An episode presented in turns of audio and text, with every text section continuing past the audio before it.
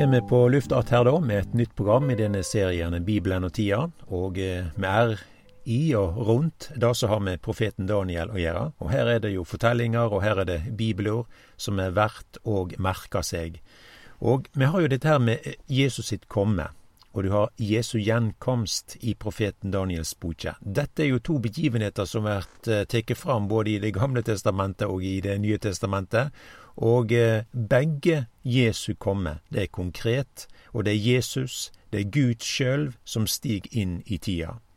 Første gangen Jesus kom, så var jo dette med Betlehem, og vi kjenner jo til veldig mye av de ulike profetiene som har med Jesus sitt eh, komme. Første komme. Det er barnet, og det, det er skildringene, og det som har med Jesus eh, og den oppgåva han hadde med sitt første komme. Og eh, i den sammenhengen så ser vi da at det ble sånn som Herren hadde sagt det, og det er ingen bibelord som står der eh, på en måte att og ikke ble oppfylt, eller at det ikke ble sånn som ble sagt ved profetene. Og jo Daniel, så har vi da dette ordet som forteller tidspunktet for Jesus sitt komme, og da er det da i kapittel 9, jo Daniel. Jeg kan ta med og lese vers 25 her.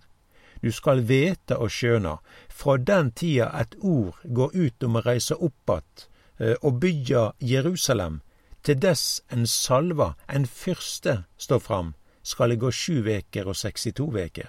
Det skal settes i stand og bygges opp att med gater og vollgraver, enda om tidene er trange.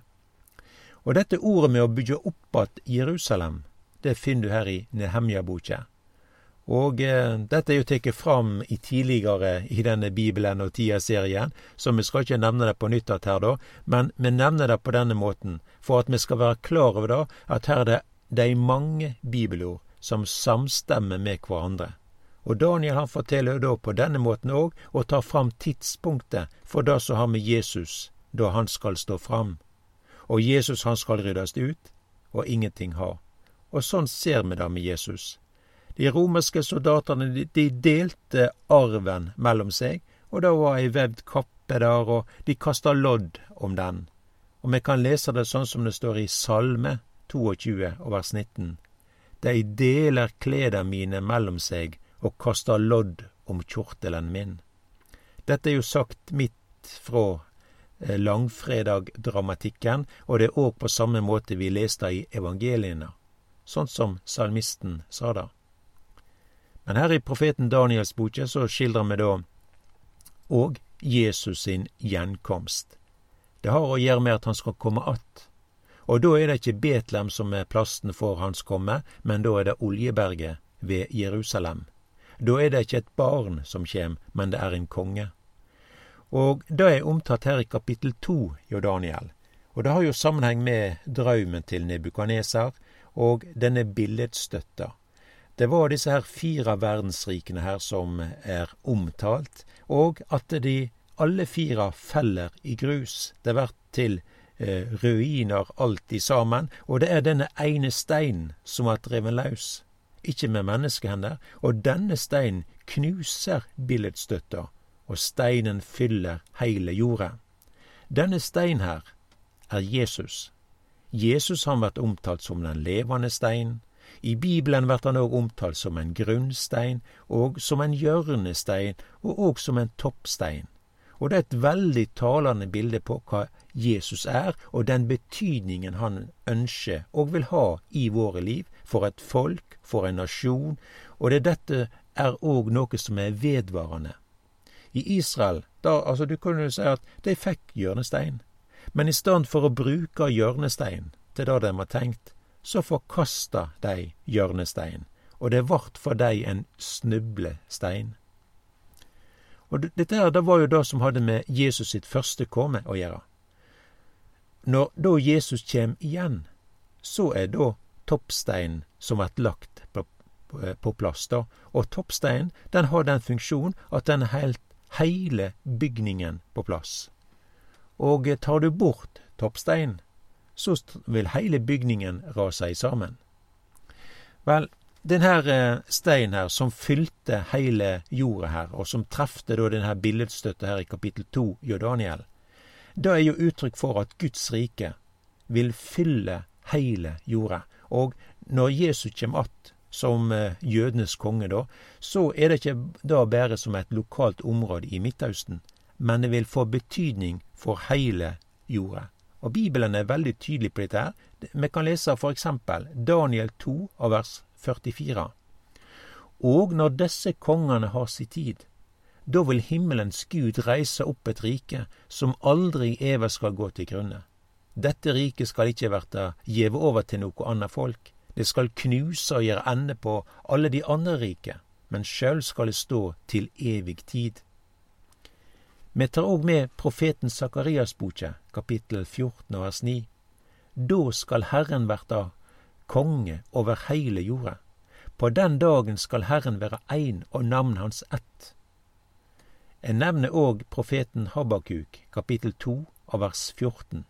For jorda skal fylles med kunnskap om Herrens herligdom, liksom vatnet dekker havbotnen. Så denne steinen her, som vi leser om i Daniel 2, eh, som fylte hele jorda, det er uttrykk for, og et bilde på det som har med Guds rike, og den betydning som da vil få over hele jorda. Og det vil få en betydning òg for dyrene på marka, for fuglene under himmelen. Det er ringvirkninger for heile kosmos. Og dette kan du lese mer om i kapittel 11 i profeten Jesajas boke. I dag er det jo ikke på denne måten. I dag er det tvert imot at en ønsker dette her med Bibelen og da med Jesus, det er noe som skal bort fra samfunnet.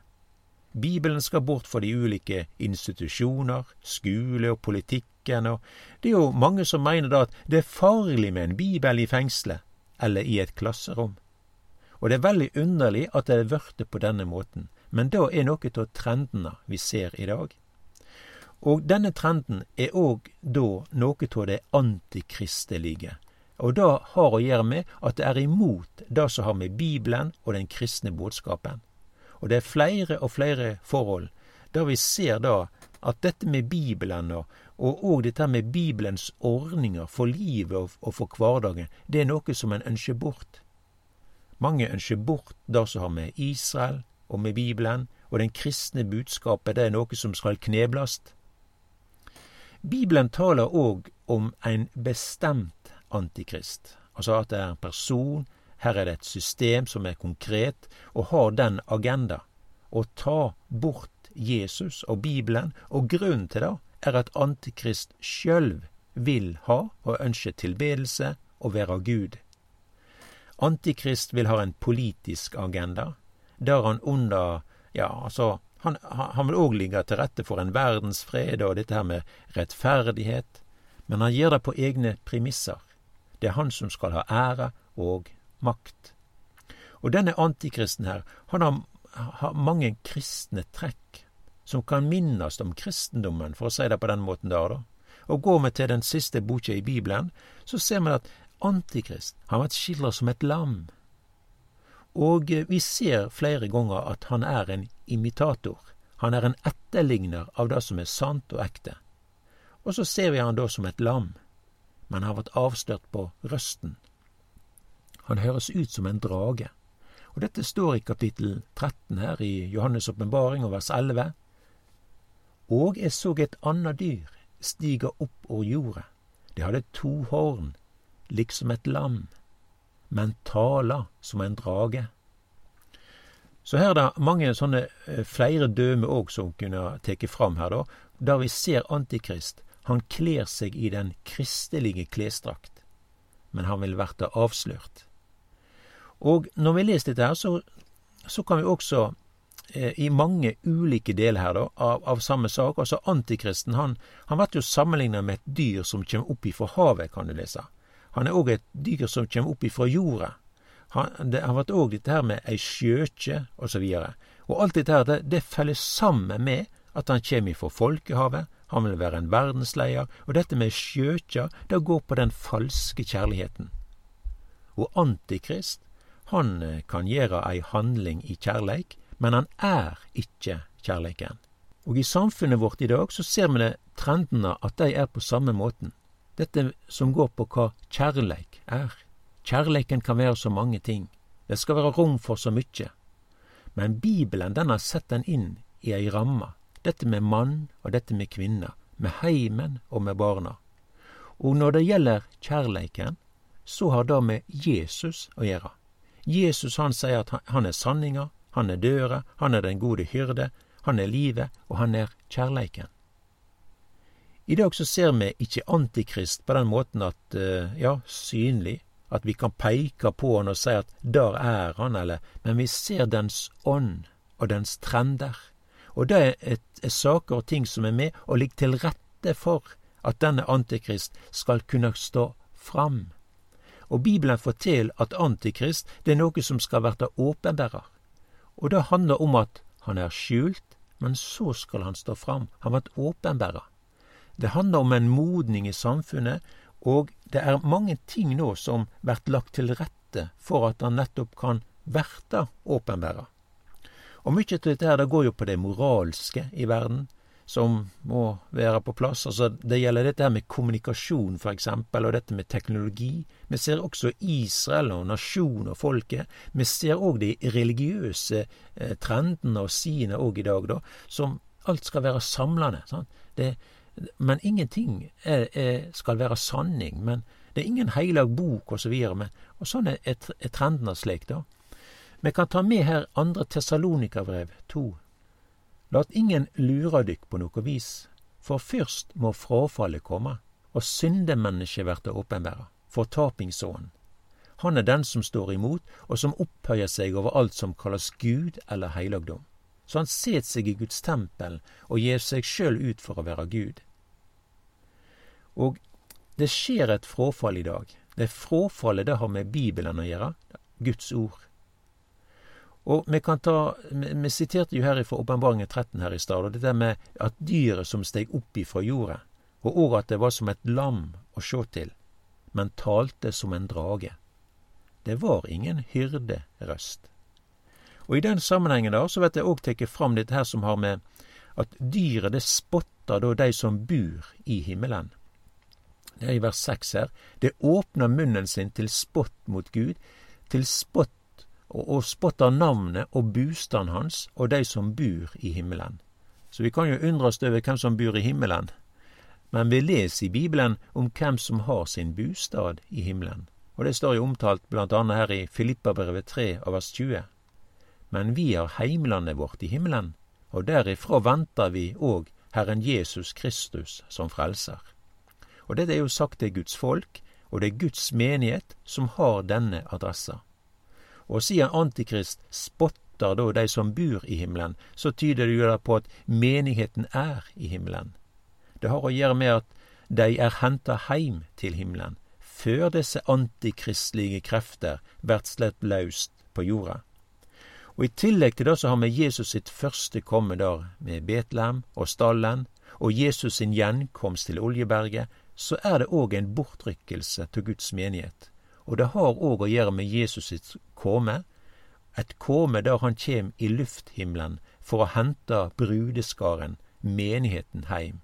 Og jeg tror at denne begivenhet er noe som kan skje hva tid som helst. Tida sine mange tegn forteller oss da. Du kan jo legge merke til når Daniels venner vart kasta i den brennende eldovnen. Det er i kapittel tre i Daniel, og da finner du ikke Daniel omtalt. Og da er jo som et bilde på at menigheten er ikke på jorda under de antikristelige regjeringstid. Guds menighet er i himmelen. Antikrist kan gjerne spotte, men han kan ikke gjøre noe med det faktum. Og faktum er at Antikrist er en tapt sak. Han vil verte avslørt, stoppa og kasta i avgrunnen. Det er ingen lukka å være en tilhenger av denne Antikrist, eller de antikristelige krefter.